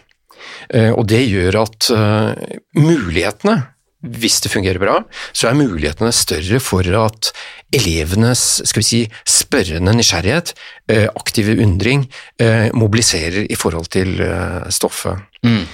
Jeg kunne også snakket om mulige skyggesider. For eksempel, ja, jeg vil ikke ta det, jeg, det men de finnes naturligvis. Altså. Det, er, det er ikke noe stairway to heaven noen steder, tror jeg, men det viktige er å prøve å være interessert i hva er, egentlig, hva er det vi egentlig skal bruke skolen, skolen til. For meg er det ikke så viktig hva slags skilt det henger på døra. Men det spørs, hvis, hvis du skulle gjort det om igjen, når du, vil, ville du stilt spørsmålet er det noen spørsmål, Ville du stilt det på en annen måte, eller visste det seg at det var egentlig den rette måten å stille spørsmålet? Du måtte bare tørre å sette i stillheten? Ja, jeg øh, Jeg vet ikke om det er noen, noen rett måte i det, men jeg vet at jeg har blitt flinkere med årene til å tåle den stillheten uten selv å bli nevrotisk og si ja, hvis det ikke var noe mer, så kan vi, da kan vi heller Ja, og, og, og ta det personlig, liksom. Ja. Det er akkurat som de Ja. ikke bryr seg. Nei, nei, ikke det, men Ja. bare det at liksom det blir, ikke sant? Jeg, er ikke, jeg er ikke bekvem med at det er stille i rommet når det er eh, 25 Nei. eh, ungdommer der. Eh, Så, så den, og det kan jeg løse ved at jeg begynner å skravle igjen. Mm. Mens det jeg erfaringsmessig har visst, det er at hvis jeg, la, hvis jeg greier å holde min egen skravlelyst tilbake, så kommer det et spørsmål Mm. nettopp fra de som kanskje ikke er så veldig verbale, men som har veldig sterke eh, og gode problemer, Mm. som, jeg ikke, som jeg trenger å bli eh, oppmerksom på. Og det opplever jeg. Jeg har vært lærer i videregående skole, i både i Stern-skoler og andre skoler i, i en årrekke, og har opplevd at de spørsmålene jeg har fått, har betydd enormt mye. Mm. Altså for hele min skal vi si, erkjennelsesutvikling gjennom livet. De samtalene jeg har hatt med, både, og nå som jeg nå har på Steinerhøgskolen med studenter, eh, alle de tingene de kommenterer, forteller meg, spør meg om, men også denne samtalen som du og Ja. jeg har, ikke sant. Eh, Det er jo sånn vi bygger, bygger vår sivilisasjon videre og oppdager nye ting. Men se, det her er akkurat det som Jeg er eh, en venn av eh, Simon Malkenes, en kompis av meg. Ja, ja, så, ja. så jeg liker jo han veldig godt, og jeg er i, i veldig stor grad enig med hans kritikk av Oslo-skolen. Men en- del av kritikken er jo nesten Jeg vet ikke om han har sagt det så, så direkte, men det er jo nettopp at du får ikke tida til å gjøre akkurat det du gjør, Mm. som er å stille de åpne spørsmålene og høre på hva de faktisk bryr seg om. Når alt blir så eh, så systematisert, og du Mm. må, det er nesten forventa at lærere på samme trinn skal være kommet Hvis du går inn etter et kvarter i de forskjellige klasserommene, så skal de være på nøyaktig samme plass, Mm. eh, for alt er så, så overstyrt. Så ja, jeg, jeg kan huske at da sønnen min eh, var ferdig på, i barnehagen, så, hadde, så prata jeg med en, eh, en som var lærer i Oslo-skolen, og han skulle heller sende ungen Han var ikke lærer på Steinerskolen, men han skulle sende sønnen sin på Steinerskolen for å slippe unna det der, eh, den, den måten Oslo-skolen var drevet på. Så jeg, jeg vet ikke om du har noe synspunkt på, på liksom den kritikken som eh, ja, en, en person som Alkenes kommer med mot, eh, mot overstyring, og, og, og, og mangel på som, jeg vet ikke, profesjonsfrihet. altså Mangel på å stole på at læreren faktisk kan få ut det beste i elevene. Nei, det er, jeg, jeg syns at Simen, eh, eh, Simon Malkenes gjør en helt fantastisk jobb. Jeg har lest det han skriver, og, og jeg tror det er helt uh, berettiget det han sier. og Det er flere som sier akkurat det samme. Og man klager også i, i Steinerskolen over det samme. ikke sant? Dette at uh, det blir mindre og mindre frihet, det blir trangere og trangere, armslagene blir mindre. og Allikevel så vil jeg mene at i eh, jeg vil jo si, eh, ikke bare til foreldre, send barna på Steinskolen, jeg vil heller si til eh, stu, lærerstudenter. Bli lærere på Steinskolen, eller undervis fri, frimodig på den skolen du jobber på. Ja. Men, men jeg tror det er et privilegium som, som alternative skoler har. Det finnes jo også Montessori-skoler og andre kristne skoler og sånt nå, jeg vet ikke hvordan det er der, men, men generelt så er det jo det derre Det frirommet, lærerens frirom, det er på en måte der vekstmulighetene for eh, dyp for å kalle det det, kan slå rot. Dyp pedagogikk i betydningen at vi oppdager i glede, forbløffet undring og kunnskapslyst sammen eh, noe nytt. Eh, ikke sant? Det, og det, det er de lærerne vi om, eh, snakket om innledningsvis. Det var de lærerne som på en måte var fascinert, som var sammen med oss på oppdagelsesreisen, som hadde tid for det. Men det, betyr, for det, betyr, det impliserer også at du er nødt til å gå omveier. Og det har man jo som et eh, privilegium på Steinerskolen, at læreren har større frihet til å velge hvilket emne skal jeg ta opp nå, eh, hvordan skal jeg, skal, jeg, skal jeg vinkle det i skal jeg, skal jeg legge vekt på det eller på det, eller skal jeg gjøre det sånn eller slik? Der har man større frihet. Jeg husker eh, bare eh, altså barnehagealder. Eh, eh, første barnehagen sønnen min gikk i, var eh, det heter Reggio Emilia-pedagogikk, og den var i hvert fall litt mer Ikke som veldig radikal, men sånn som jeg husker det, så var det i hvert fall eh, det var mye mer lagt opp til at ungene sjøl kunne styre hva de hadde lyst til å gjøre, og det som var leker, var tilgjengelig til dem hele tida. Eh, og det var litt mer eh, virka som det var litt mer frihet, og han trivdes veldig godt. Og så flytta vi, og han begynte i en mer konvensjonell barnehage, og mistrivdes så ekstremt mye. På, og det, det jeg liksom etter hvert forsto, var at han syntes det var helt absurd at lekene sto der oppe, og så, og så fant de plutselig ut at mellom tre og fire kan dere leke med de her lekene. Da tar de dem ned, og så er det på tide å rydde dem bort.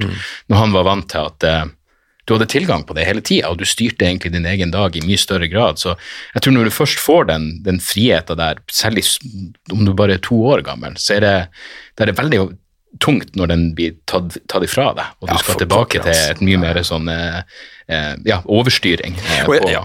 Og jeg- tror kanskje særlig i, i barnehagen. Og barnehagen er utsatt for et enormt press nå, et læringspress, og det er stadig mer eh, skoleaktig preg.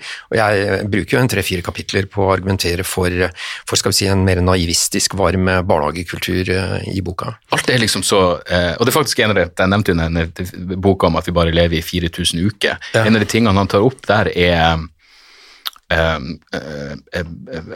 altså eh, hjelpelitteratur for foreldre, hvor han påpeker at ingenting av, av, eh, av bøker som kommer ut for å hjelpe foreldre og bli gode foreldre, handler om små barn som små barn. Det hele tida målet er at de skal bli Sånn eller slik, eller Sånn- skal bli noe. De skal ja. bli noe. Ja. Det, det er ingenting som er Alt er bare så midlertidig. Det er ingenting som handler om at ja, sånn her får du en lykkelig toåring, for eksempel. Eh, og det er noe i det der. og det er derfor liksom ja, Hele den ideen om at barnehagen er en forberedelse på skolen, og skolen er en forberedelse på arbeidslivet, og jeg har hengt meg opp i utallige ganger i begrepet humankapital, jeg får helt ja, ja. frysninger av det. det. Det virker som om det, det er så mangel på Altså det, det, det virker som det er mange som tenker at utdanning er utelukkende en forberedelse på arbeidslivet, og det må da være atskillig mer enn det. Og det kan jeg jo godt se for meg at, eh, at uh, alternativ skole det, det er en eh, eh, han er vel evolusjonspsykolog, en som heter Peter Gray, som skriver en bok som heter Free to Learn. Um, og han drev egentlig bare og forska på mus og hva enn det var slags greier han holdt på med. Og så hadde han en sønn som sleit så på skolen og hele tida gjorde opprør når han var rundt ti år. Og så viste det seg at de hadde en sånn jeg tror det heter Sudbury School, som er sånn eh, virkelig radikal, hvor ungene styrer skolen. Der er ungene med på å ha reglene, og alt må avgjøres demokratisk. Og, og det er liksom ikke noe eh, Lærerne kaller seg ikke lærere, fordi de alle lærer hverandre, og ungene får gjøre det de vil. Men på et eller annet vis så funka nå det for, for denne sønnen hans, da, og han stortrivdes, og, og nå tror jeg sønnen var 50 år. og oppegående og det er vel tilpassa menneske på alle måter, men jeg tror jo ikke nødvendigvis at, at den type hva man skal kalle det, ped radikal pedagogikk nødvendigvis funker for alle, men det er veldig bra at de alternativene er der ute.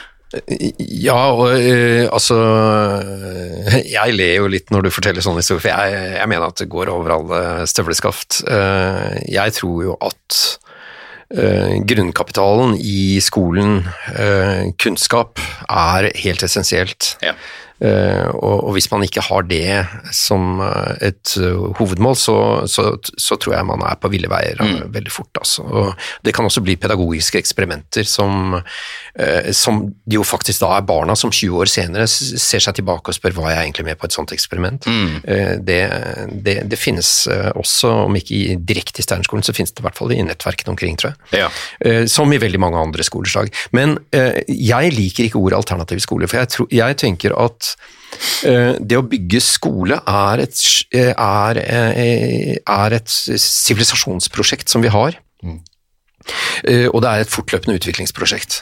Eh, sånn at jeg, jeg vil ikke lage noe tette skott mellom ulike skoleslag. Eh, Jeg mener at alle, både skolepolitikere og akademikere og lærere, eh, på en måte hele tiden er på leting etter å utvikle dette prosjektet videre. Eh, Og oppfatter vel at min bok er et innspill til det. Det er ikke Jeg er ikke Ikke sant? alternativer det handler, om, det handler egentlig om noe veldig sånn elementært, og jeg syns vi har berørt det mange ganger i denne samtalen her. Eh, hvordan greier vi å utvikle en eh, metodekultur for det? For det er hele danningssivilisasjonen som, som ligger under der, og all humanisme handler om at vi kommer videre med det. Mm. En av tingene jeg har skrevet ned, er jeg har skrevet læringskurver, altså jeg har skrevet vennskap, kunnskap, vitenskap. Og en av de tingene du, du understreker i boka som er et veldig viktig poeng, er vel at man altfor tidlig begynner å trø voksne konsept nedover hodet på ungene før de egentlig er klar for akkurat det. Absolutt. absolutt. Ja, det, um, det, det, er på en måte et sånt eh, Jeg prøver å selge inn som et sånt paradigme, eller i hvert fall som en sånn mulig tankestøtte da, for hvordan man kan organisere utdanningsløpet. At uh, før man kan lære kunnskapsmessige innhold om noe, så må man ha bygget emosjonelle, varme, dype vennskap. Mm. Og det, Der tror jeg at særlig barnehagene har uh, en sivilisasjonsoppgave, å bygge varme naturvennskap med, for barna om kjøttmeiser og krokus og humler og gåsunger. Uh, og vennskap, de vennskapene må være på plass før kunnskapene kan begynne å bygges, som da er på mellomtrinnet. Og kunnskapene må tilsvarende Eh, bli rike og differensierte på mellomtrinnene i grunnskolen før man virkelig for full kraft kan utvikle vitenskap. Mm. For vitenskap forutsetter at du har en kunnskapsbase i bunnen, at du, at du, vet en masse faktuell kunnskap. Hvis du ja. ikke vet det, hvis du er dårlig geografi eller historie, eller noe sånt, så kan du egentlig ikke gå analytisk til verks. Og Det er et stort problem i videregående skole i dag, at man ja. får en masse elever som har veldig mangelfulle kunnskaper. Mm. Som ikke har basiskunnskaper om eh, som man egentlig må forutsette hvis man skal gå inn i en uh, analytisk uh, refleksjon. Men Det er jo sånn som du forteller når, når hun, uh, jenta spør hvorfor blir vi gamle, eller hvorfor eldes vi, og du sier at du kan trekke inn alt fra hva enn det var, litteratur til filosofi, så fordrer det at du har en viss peiling på det. Ja. ja. Hvis ikke kommer man jo til kort. Hvis du kun skulle ha en naturvitenskapelig forklaring, så ville kanskje den bli litt kald og ja, deprimerende. Dette er interessant. Dette er interessant. Og det tror jeg handler om at som lærer i realfag, eller som lærer i humaniora, så må du veldig aktivt interessere seg for den andre banehalvdelen. Eh, jeg prøver, og har alltid prøvd så mye jeg klarer som, siden jeg er realfagsmann, eh, å interessere meg for humaniora, for kunst, kultur, mm. litteratur, eh, så godt jeg kan. Fordi, og jeg har merket at det har gitt meg tilført skal vi si, veldig mye. Og Det gjør også at jeg er mye lettere Men det må jeg si, det er også en arv fra de årene jeg jobbet som eh, lærer på Steinerskolen. fordi i Steinerskolen så er man, der er man kommet ganske langt på å koble humaniora og eh, realfag. Eh, sånn at jeg er nok litt over gjennomsnittet vant til å turnere på tvers av de to kulturene. Mm. Og Det tror jeg er en veldig viktig ressurs. Men det er jo noe man kan lære, det er jo noe alle kan Men absolutt et poeng, ja. ja. Men jeg tenker at, ikke sant Hvis hvis din sønn spør deg hvorfor, hvorfor, gammel, hvorfor, må jeg bli gammel, så vil du jo der og da, hvis du er et ettertenksomt, varmt menneske, så vil du jo der du vil komme på et eller annet klokt å si. Mm. Uh, og så vil du kanskje ta det opp dagen etter eller, eh, eller noe sånt noe. Sånn at, så vi alle har jo egentlig noe klokt å si om det. Ikke noe, ikke noe svar, men en kommentar. Ja, det, her, eh, det bringer meg over til et spørsmål jeg vil stille deg om, om, om, som egentlig har noe mye av kunnskapsformidling som er historiefortelling. For jeg kunne huske at når, når jeg skjønte at sønnen På et eller annet tidspunkt så, sa bare fruen til meg at nå var det blitt sånn i huset at når hun la sønnen min, så leste de Harry Potter eller et eller annet, men når jeg la han, så skulle han ha meg til å fortelle historie. Og da kunne det være alt fra eh, han ville høre om eh, det, det, kunne vært Stalin, han var interessert i å høre om Stalin, til, til, at jeg bare fant på sånne absurde eventyr og sånne ting. Men det gjorde et eller annet med tror jeg at han ble veldig nysgjerrig i ting. Så husker jeg han kom hjem en, en dag og sa til meg, og det her var jo på, på barneskolen, jeg vet ikke hvordan, det må jo ha hatt samfunnsfag eller et eller annet, men hvor læreren hans hadde sagt eh, noe sånt som at han, Læreren hadde sagt at han ville heller levd i Nord-Korea enn Russland under Putin. Og da husker jeg, Først fyrte jeg meg opp som han sa, jeg tror ikke han helt vet hvordan Nord-Korea fungerer. Og så kunne jeg se at sønnen egentlig bare ville ha han ville egentlig bare ha argument som jeg kunne gi han, så han kunne gå tilbake med. Så jeg tenkte, det, det blir litt feil. Men da måtte jeg liksom bare si sånn Nei, Da må du bare spørre læreren din om han, om han har lyst til å bo verst mulig. For det har man jo ikke tenkt på. Hvis du sier at du heller vil bo i Nord-Korea, kanskje du vil ha det verst mulig. liksom. Mm. Poenget mitt var bare at jeg, jeg, fant ut av en måte å få han til å bli interessert i hva enn det var historie, eller hva enn det skulle være, var med å fortelle han historie. Så det lurer jeg på. Hvor, hvor viktig er det å gjøre faktakunnskap om til historie? Hvor viktig ah, det er du, må bare, du må bare altså det, du, Hvor lang tid har vi? Ja, nei, så, så. La oss ta en time til. Ja. Nei, altså igjen, da. Hvis du, hvis Du må snakke så lenge du vil. altså. Nei, nei, jeg, bare, er- du jeg får bare lyst til å si at du må jo bli lærer, for helvete. uh, nei, fordi, ikke sant, storytelling, uh, og der må jeg si som evolusjonsbiolog, ikke sant, og det ser man, og det vet man, hvor, hvor, hvor, når, tent, når tente vi det første bålet? Det vet vi ikke. Eh, Men det er anslagsvis, litt sånn røftlig sagt, på to millioner år siden Australopithecus, Australopithecus, begynnelsen av homo, slekten homo, begynte vi å tenne bål. Det betyr at da satte vi oss rundt bålet. Da, begynte vi å varme mat. Eh, Det å varme opp maten gjør at den er mye lettere å ta opp. Da begynte hjernen å vokse. Og da begynte vi også å fortelle hverandre historier. Og som jeg skriver, lenge før det fantes lærere som yrke, så hadde menneskene og eh, våre eh, slektninger i forfred, vi hadde eh, andre familiemedlemmer, og særlig besteforeldre, som var i praksis det vi i dag er som lærere. Og hva var det særlig de gjorde? De fortalte historier. De fortalte historier. Ikke sant? Om kvelden. Det å sitte, og jeg tror at det er ekstremt viktig for barna våre at vi forteller historier for dem. Og gjerne, og aller helst de store, eh, selvfølgelig også bøllehistorier og, og gærne ting man finner på sånn, sånn, men jeg tror også i eh, i småbarnsalderen, man må jo tilpasse det, det, dette må jo også være en dialogisk situasjon, eh, men, men eventyr, eh, legender, fabler, alle slags sånne type ting, og det brukes jo i Steinskolen også målrettet som pedagogisk virkemiddel, ikke som noe man eh, så å si metaanalytisk skal undersøke, men rett og slett fordi dette er, dette er de store fortellingene som, som menneskene har liksom sittet rundt bålet og, utvekslet. Det er store arketypiske historier om drager, eller om troll, eller om helter, eller heltinner, eller ikke sant? Selv Minotaurus-myten, det er jo folk som spekulerer på at Minotaurus-myten er avtegnet i Chauvet-grotten 15 000 år siden, ikke sant? Den dukker opp da i gresk mytologi eh, for et par hundre år, eller tusen år før Kristus. Sant? Dette, er, dette er svære narrativer, eller hva man kaller det i dag. Fortellinger som har fulgt menneskene, som myter. Og det å, det å, bli, det å bli introdusert for de mytene i oppveksten er et ekstremt dannende eh, virkemiddel. Så, så jeg tror det er, det er eh? Det å bli fortalt for som liten, og det å fortelle Sitter rundt bålet, prate skit og fortelle hverandre historier. Ekstremt viktig. Ja.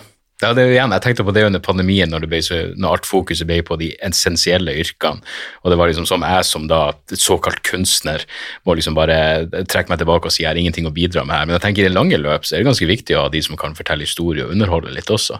Ja. Og, og liksom jeg tenker på, ja, Når du prater om det sett rundt bålet, ja selvfølgelig er det viktig å ha og de som klarte å fange maten og alt det der, men de hadde en funksjon, de som var gode å fortelle historie også, vil jeg tro. Du, det er ikke bare en, ikke sant? Det, det har vært presteskapet. Det har vært ikke sant, historie, for, for religion kan man egentlig bare si, si som store magiske fortellinger. ikke sant? Uh, man har jo spor etter neandertalgraver som ser ut til å ha vært gravlagt, så det er, eh, det er grunn til å tro at de også hadde sine store mytiske fortellinger om, eh, om et eller annet. Uh, dette, dette er ting som, eh, som jeg tror er det, altså, Dette handler ikke om underholdning, det handler om noe helt grunnleggende. Eh, og, de, og igjen så tror jeg på dette uten filter. Jo mer uten filter, og jo og da mener jeg skjermfiltre eller altså jo, jo, jo færre ting jeg har mellom, jo mer naken jeg er i, i, i fortellingen. Og, ikke sant? og hvis du forteller historier for barn, så drar de jo på en måte historien ut av deg. De, de legger Ja, ja. ordene i munnen på deg. ikke sant? Ja. Og så, sånn at du, du kan, som du sier, du finner på historier, men jeg gjetter at hvis vi hadde et kamera og så det, så ville vil vi sagt at ja, men det er sønnen din egentlig som også dikter med, for han Mm. legger ordene og sier at nei, nå kommer det. Eller nå og så, gikk og så bygger man disse eh, Absolutt. narrativene videre. Og det merker jeg på han, at han blir jo jeg- kunne merke ganske umiddelbart at han fikk lyst til å fortelle historier. Jeg merker hvordan han gjenforteller dem til, til mora si. liksom. Herlig. Eh, Herlig. så, så det er jo en, en, en, si, en muskel som du hjelper han liksom å, å, å utvikle, som jeg, jeg tror vil komme godt med Ja, det, er, det, er, det er masse læringsteoretikere som er, har, har sagt veldig intelligente ting om si, det, at du, det, at du, det at du lar kunnskap At du formidler kunnskap eller innsikt i fortellingens form, at det er en helt essensiell forutsetning. altså Det å bruke fortellingen som pedagogisk virkemiddel. eh, Det, det, altså Jeg har jo brukt det oppover Jeg bruker det på studentene mine og også på. Ikke sant? Fordi Også når vi snakker sammen, vi driver jo og forteller hverandre historier, og, og de illustrerer, det er metaforiske historier der. ikke sant? Eh, De brukes til så mye rart. Eller det er rene vitser, ikke sant. Ah, Ja, nei, hadde, det er så mye, og det går- til det- men, men igjen, da. Jeg, en situasjon jeg hadde som eh, som sier sitt. Uh, en barnehage, jeg hadde en barnehageflokk eh, eh, var på besøk hos en barnehageflokk, ikke sant, og de spiste nisten sin, Uh, og satt der på gulvet, og så fortalte de, de, fortalte de uh, vitser til hverandre mens de spiste. Ja, ja. Og det var en sånn herlig gjeng med sånn tre-fireåringer og et par skikkelig, kanskje ikke engang tre, og så et par sånne tøffinger på, på slutten av fem. Ja, fem.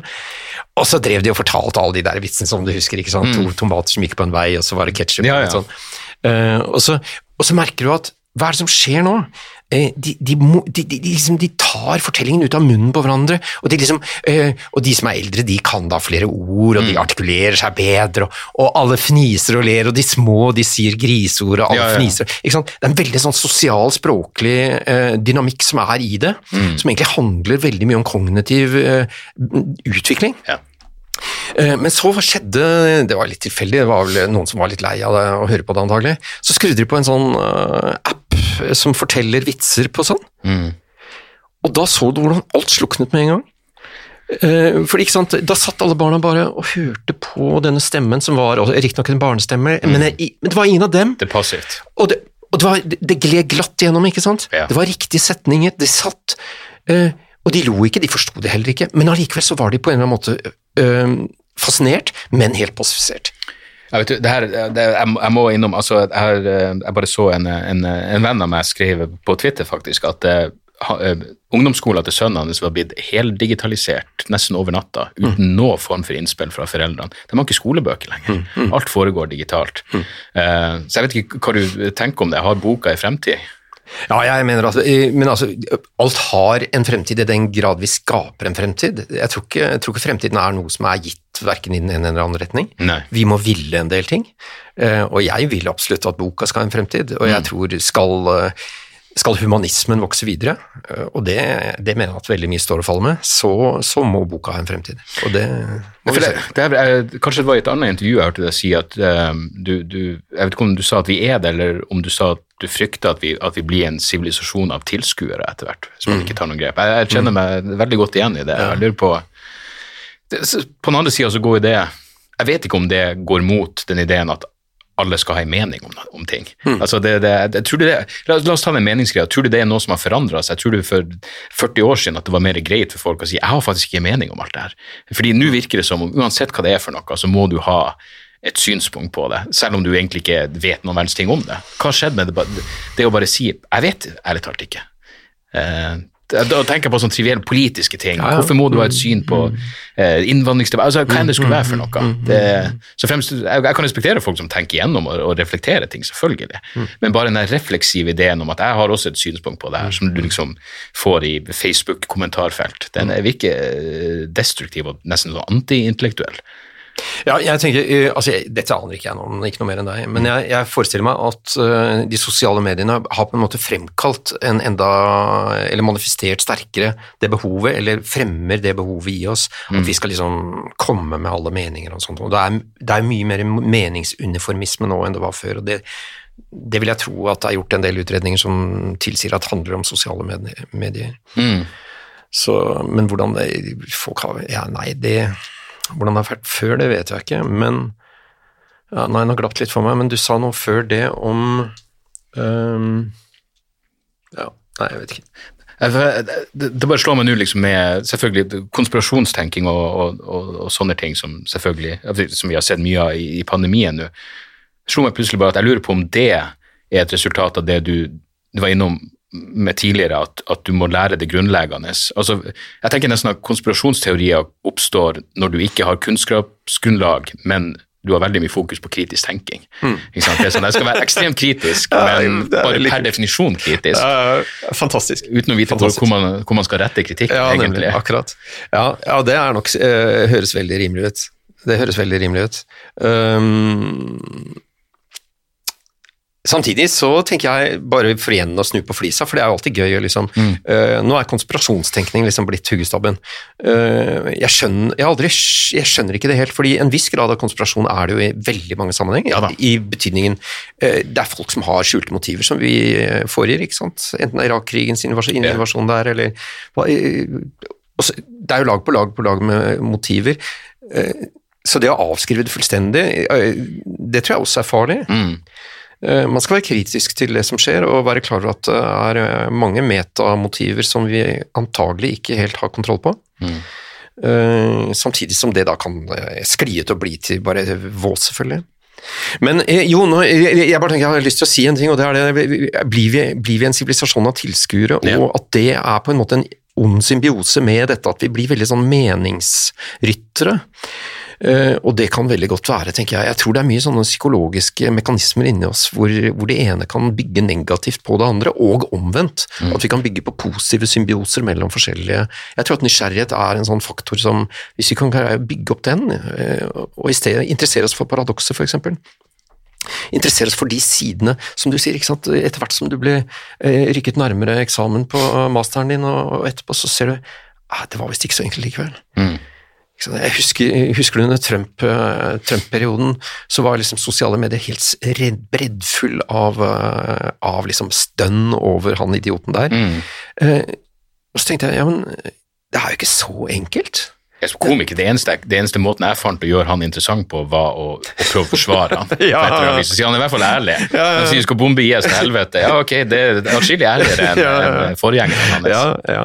Og det er liksom, eh, når det blir en sånn skulder ved skulder-enighet rundt ting, så, så bør man, eh, så bør man være, prøve å finne no, noe ting som skurrer, slik at man kan se å ja, nei, det var visst mer inni her enn jeg kanskje tenkte.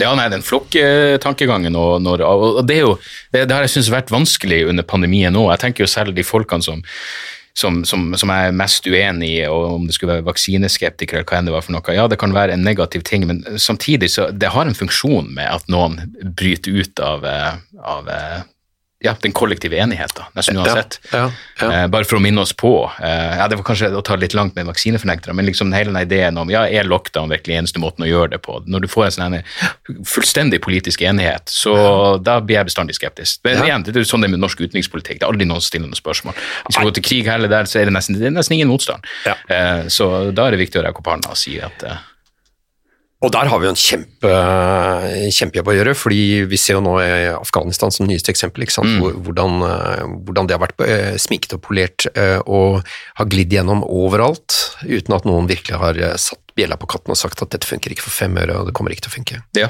Og det må vi ta Tilbake til start etter, etter 20 år. Ja. Så hva er det vi prøver å oppnå med utdanning da? Er det innsikt? Eh, Det er, innsikt er et eh, viktig ord, tenker jeg. Et viktig ord. Dannelse er et viktig ord. Eh, Individets eh, selvråderett eh, og ansvarliggjørelse i, som del av et fellesskap. Individets frihet til modig eller fryktløs å identifisere mål for eget liv. Eh, det? Jeg tenker at formålsparagrafen i skolen egentlig er ganske fin.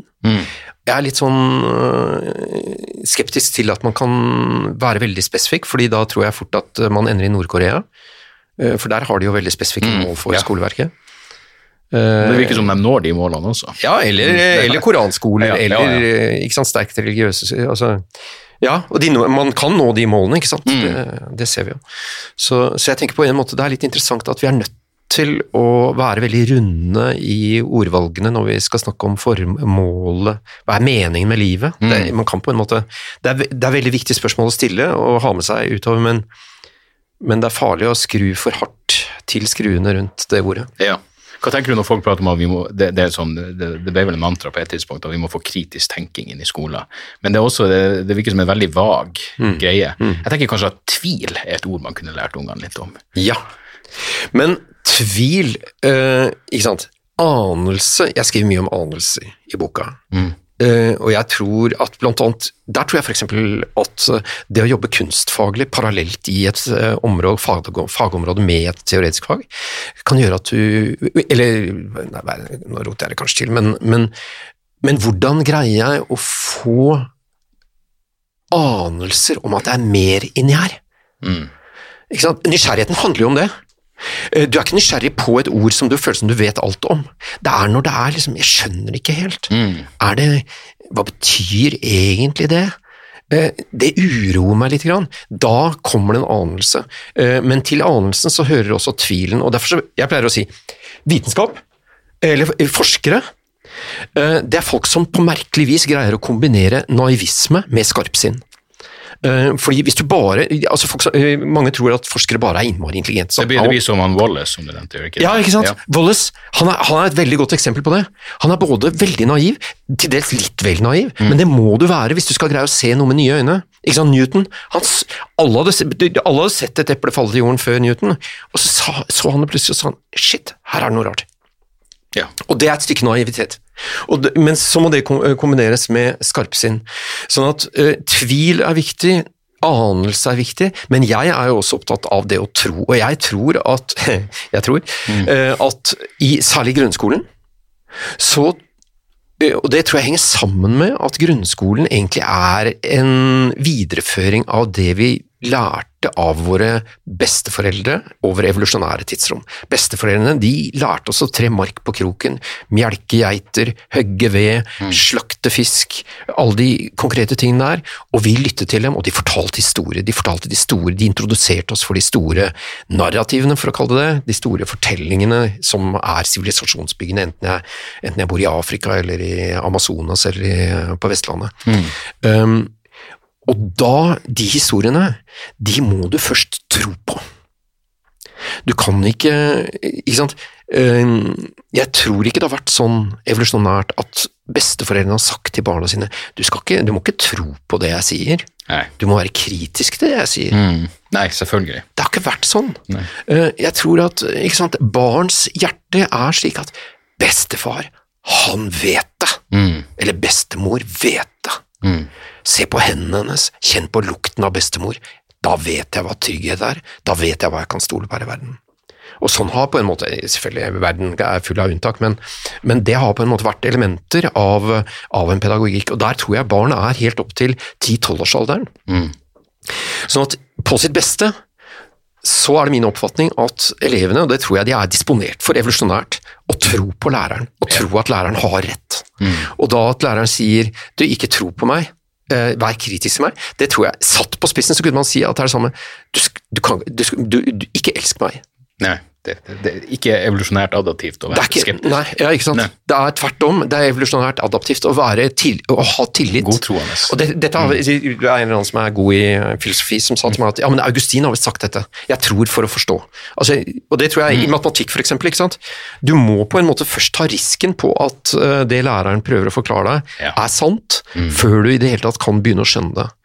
Og så etterpå, etter hvert så må det jo bli kritisk, men jeg er ikke sikker på om det er gavnlig for hverdagen i klasserommet at i den alderen at man er for opptatt av kritisk tenkning. Jeg tror, Etter hvert som puberteten nærmer seg, så tror jeg det blir veldig annerledes. Da tror jeg at de radikale, stygge sannhetene, alt det stygge i verden, må på bordet. Alt vi ikke fikk til, alle overgrepene, alle de fæle tingene, de må se sannheten og virkeligheten som den full av paradokser og komplekser som det er. Men det igjen, man må gå gjennom de gradene før vi er klar for, for akkurat det. Right. Du, det, det er perfekt. Jeg, eh, for noen år siden så gjorde jeg et radioprogram eh, for P2, men det ble spilt inn eh, i et studio med folk som stort sett bare lagde eh, radioreklamer. Det var liksom, Hele dagen deres var radioreklamer. Og eh, de to jeg jobba med, hadde, for dem så var det et avbrekk når jeg kom inn for å gjøre radioprogrammet, og da hadde jeg ofte gjester, og da sa han en, eller jeg hadde gjester hver uke, og da sa han ene til meg det er så fantastisk eh, når du kommer i studio, ikke pga. deg, men fordi du bestandig har en gjest som brenner for et eller annet. Og det var mye varierte ting, men jeg merka at de som jobba dag ut og dag inn med reklame, ble inspirert i sin jobb. Bare som vi prata om i starten, fordi de møtte folk som brant for et eller annet, som var nysgjerrig og som var eh, engasjert. Og eh, ja, jeg skal tipse dem om at de må høre på denne samtalen også, for det tror jeg de vil ut av. Ja, men, eh, dette interesserer meg litt også fordi at det er jo to sider av denne samtalen, og det er jo intervjueren. Um, er du journalist da, utdannelse? eller. Nei, nei, nei. Nei. nei, nei. Nei, men du kan si at jeg forestiller meg at en god journalist må vel også være en som er nysgjerrig. Ja, ja. Fordi det, det er jo, ikke sant, hvis du ikke Jeg blir jo intervjuet av mange mennesker, og det er, det er jo veldig Ikke sant, det, det, er en sånn Det er en systemisk uh, greie, og det, sånn er det i, i klasserommet også, ikke sant. Eh, hvis jeg har en hvis jeg, Eller i, i forelesningssalen, hvis jeg har en gruppe studenter som ikke responderer i det hele tatt, som er helt tause, så, så blir jeg rett og slett også en mye dårligere foreleser. Det er veldig mye vanskeligere å, å liksom oppdage verden fra en side som gjør sånn at de også begynner å rykke frem på stolkanten. Ja. Og Det tenker jeg mange intervjuer, og det du sier sant, om de radioprogrammene, det er eh, Jeg vet jo ikke hvordan du jobber for å få liv i disse samtalene, men, men på en eller annen måte så må du jo lykkes i det, for ellers så har ellers vil Ja, nei, det er selvfølgelig at det er, det er liksom ikke noe jeg mener, det, var nesten, jeg, jeg kan ennå huske når, til og med på universitetet at jeg gleda meg til sommerferien, for da kunne jeg lese nøyaktig det jeg ville. Eh, det var fortsatt et eller annet, Selv om jeg studerte det jeg hadde lyst til, så var det fortsatt noe, noe instrumentelt med det, på et vis. Jeg gjorde det for å oppnå noe annet. Men det jeg kan gjøre nå, når jeg spør deg om en samtale, er jo at det her er utelukkende fordi jeg vil. Det, det er liksom ikke noe bakenforliggende. Jeg har selvfølgelig lyst til å dele podkasten og få en bra samtale, men, men motivasjon er liksom eh, enklere. Eh, enklere ja. og, og renere. Og, eh, og, og så er det så enkelt at hvis det ikke var interessant, så da ville jeg bare ikke gjort det. Dette, egentlig så sier du du står friere, Ja, absolutt. og det snakket vi om i sted når det gjelder lærerne, at det er på en måte lærerens problem. Klarer vi å skape et slikt frirom som gjør at de kan agere på den måten der? For der tror jeg på en måte at det er noe, en ganske god overlapp mellom den rollen du har, og den rollen læreren har. Det å komme inn i en dialogisk refleksjon eh, rundt et stoff. Mm. Um, og hvis du ikke har den friheten, uh, så blir det et dårlig radioprogram. Ja, så, så, så vet jeg at jeg har, jeg har en fordel med at jeg er interessert i mye rart. så De pratene jeg har hatt her så langt, har vært om alt fra kunstig intelligens til meninger med rus til konspirasjonsteorier. konspirasjonsteorier. Så det er liksom eh, eh, så jeg, jeg trenger ikke å ha en masse dybde, dybdekunnskap om noe. Jeg trenger virkelig bare å være nysgjerrig. Og, og gjerne lese i bok eller et eller annet, så, du har et fundament for samtalen. Men nå, det som jeg gjør en sånn her samtale fin, er jo at jeg hadde planlagt en masse spørsmål og nesten ikke stilt noen av dem. Og det er jo det man prøver å oppnå. Det er jo da det er en samtale mer enn et intervju. For jeg liker Det er bare mye mer interessant for meg å høre. Det jeg hører på av podkaster, det er mye mer interessant når det er en samtale, enn når noen liksom bare stiller spørsmål. Og så litt frem og tilbake eh, gjør seg alltid. Nei, jeg, tror- jeg, jeg syns dette er veldig interessant. Jeg mener at uh, egentlig så beskriver du like godt uh, det som er på en måte den uh, dialogiske pedagogikkens nerve. Uh, igjen da for å sitere Rudolf Steiner, som er helten til alle Steinerskolelærere.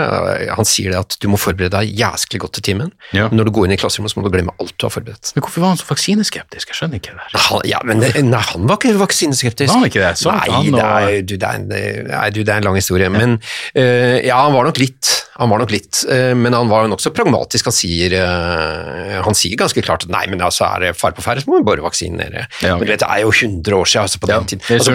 Wallace og Darwin var jo strikt, eh, steilt mot vaksiner. Det, ja. Så, eh, og jeg har Darwin var, eh, var, ikke- han gift med søskenbarnet sitt eller et eller annet? Jeg tror, eh, Ja, det var, det var ikke så langt unna. ja. Men det var vel Det var andre tider. Ja, det var andre tider, ikke sant. Så, nei, men altså, i dag så er det Ja, nei, vaksineskepsis er jo selvfølgelig øh, Jeg tror ikke det er så veldig stort problem egentlig i Steinerskolene, og jeg vet at Steinerskolene også har jobbet aktivt eh, for å sørge for at det ikke skal være et problem. Eh, Ja. Men det er klart, alt, alt av sånne som gir en, en enkel punchline for en komiker. Det er jo sånn som så, jeg driver og kødda med at Nesodden måtte i kan var- hva enn jeg hadde en vits om? Ja, at Den islamske stat var veldig opptatt av vaksinering. At, og så sier jeg ok, så de er mer rasjonelle enn Nesodden. Men så har jeg fått fortalt nå at det er ikke et sånt problem på Nesodden lenger. Det er bare en sånn myte som har satt seg. Jeg, jeg bor på Nesodden, så jeg veit litt Ja, om du vet det. selvfølgelig. Så jeg tror ikke det er eh, eh, altså, Miljøpartiet De Grønne og Ja. litt sånn uh, Folk sitter litt i lotestilling her og der i Ja. krokene, men eh, stort sett så Jeg tror ikke det er så veldig mye at det slår ut på statistikken. Nei. Du, det var en eh, særdeles trivelig samtale, Ja, så eh, takk for at du tok turen. Moderne media. Da er det reklametid, og ukens annonsør er fiken. Hør her, jeg, jeg, jeg, avskyr ordet regnskap. Ordet regnskap eh, gir meg assosiasjoner som er uhyggelige. Det får meg til å tenke på andre uhyggelige ord som ettersyn og underlivsundersøkelse. Men regnskap er et nødvendig onde, og fiken er et så enkelt regnskapsprogram at selv jeg kan klare å ha kontroll på finansene hvis jeg bruker det. Eh, Du kan registrere kjøpene dine bare med å ta et bilde av kvitteringa med appen, og så kan du bare hive, hive kvitteringen. Hvor nydelig kan det bli? Og Fiken forholder seg også til regnskap med overkommelige ord. Det er ikke masse overkomplisert økonomisk terminologi. De kaller det kjøp og salg i stedet for hva enn de kaller det på BI. Og du kan, eh, du kan få fiken til å sende purringen dine, sånn at du slipper å gjøre det sjøl. Slipper du de der flaue øyeblikkene hvor du må skrive 'unnskyld meg, men det står noe utestående her, kan du fikse det fortest mulig', må jeg sende, må sende mafiaen etter deg? Nei, fiken fikser det så kan du skylde på algoritmene. Du slipper dårlig stemning. Jeg syns det er utrolig greit å slippe å styre med sånne ting sjøl, og nå kan du prøve fiken gratis i 30 dager. Hva, hva har du å tape? Bokstavelig talt ingen verdens ting. Så gå inn på fiken.no og prøv fiken gratis i 30 dager. Ok? Det var det så vanskelig.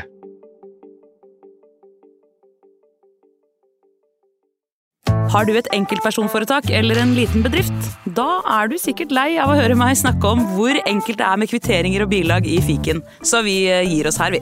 Fordi vi liker enkelt. Fiken superenkelt regnskap.